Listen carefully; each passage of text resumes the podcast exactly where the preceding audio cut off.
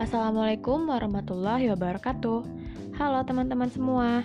Perkenalkan, nama saya Siva Kaila Damayanti.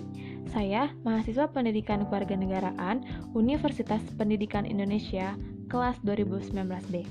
Pada kesempatan kali ini, saya ingin menjelaskan mengenai analogi dan hubungan kausal.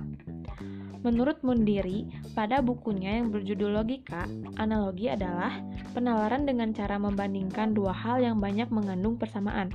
Dengan kesamaan tersebut, maka dapat ditarik sebuah kesimpulannya.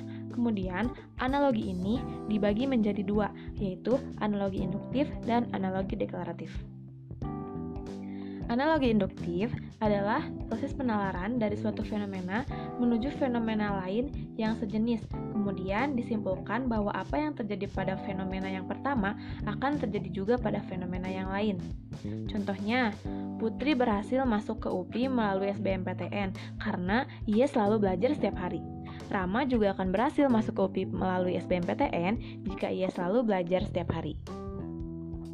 Kemudian ada analogi deklaratif. Analogi deklaratif adalah metode untuk menjelaskan atau menegaskan sesuatu yang belum dikenal atau bahkan samar dengan sesuatu yang sudah dikenal. Contohnya, ilmu pengetahuan dibangun oleh fakta-fakta sebagaimana rumah itu dibangun oleh batu-batu. Tetapi tidak semua kumpulan pengetahuan itu ilmu sebagaimana tidak semua tumpukan batu itu adalah rumah. Kemudian ada yang disebut dengan hubungan kausal. Hubungan kausal adalah proses penalaran yang diperoleh dari gejala-gejala yang saling berhubungan.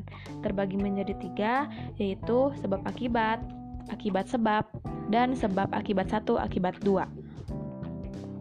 Contoh sebab akibat, misalnya Mila suka mengejek teman-temannya di kelas. Ia selalu mengejek teman-temannya memiliki sepatu bolong atau baju yang kotor. Ia juga suka membicarakan keburukan teman-temannya.